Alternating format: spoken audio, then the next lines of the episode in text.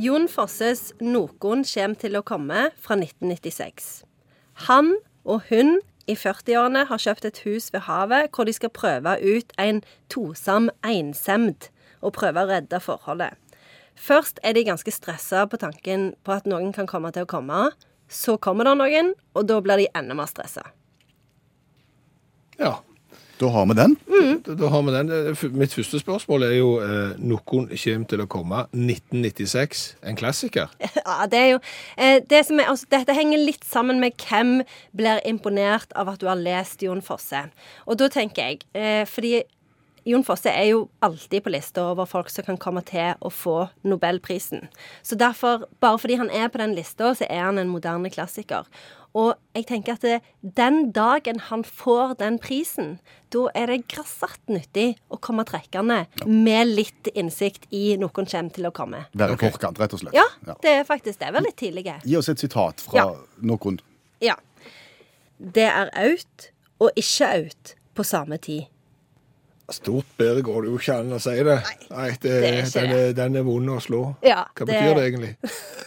det er jo altså, den, det, det dette stykket handler om, er jo eh, hva slags vilkår har familien i postmoderne tid. Så dette, jeg tenker jo at det handler litt om tidsklemmer, dette her. Sant? For det er jo dette her med at du prøver å trekke deg tilbake og leve i fred med naturen.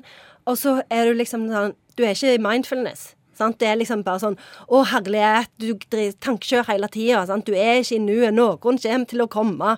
Og så wow, Noen kommer! Men så er det bare en unge mann, men du blir stressa likevel. Sant? Så det er jo egentlig en metafor på tidsklemmer. Tenker jeg, da. Det er min tolkning av det. Men, men vi spør deg, og du kan svare helt ærlig, for det er bare, det er bare oss tre nå. Så, så dette kommer ikke til å lekke ut. Eh, Jon Fosse lever jo òg, så det er jo litt vrient hvis han hadde hørt det. Er dette kjekt? Er dette verdt å lese, eller er det kun for når han får den prisen at vi skal kunne brife med det? Det er mest Hvis jeg skal være helt ærlig og min personlige mening, så tenker jeg at det er mest fordi du skal brife om eh, Ja, det er litt gørr. Det er lite grann gørr. Jeg hadde kanskje gått heller og lest 'Forbrytelse og straff' eller 'Store forventninger' eller 'Fuglene'. Kim imponerer vi. Vi imponerer jo alle den dagen han får nobelprisen. Folk, det er jo liksom Det er ingen som blir imponert av at du kan nunne litt på 'Blowing in the Wind'. Sant? Men hvis du kan ha litt facts, litt harde facts, om Jon Fosse den dagen han vinner Folk kommer til å huske det i tiår etterpå. Sitatet var Det er out og ikke out på samme tid. Ja, og det er det jeg sier, stort tydeligere går det ikke an å få sagt, altså.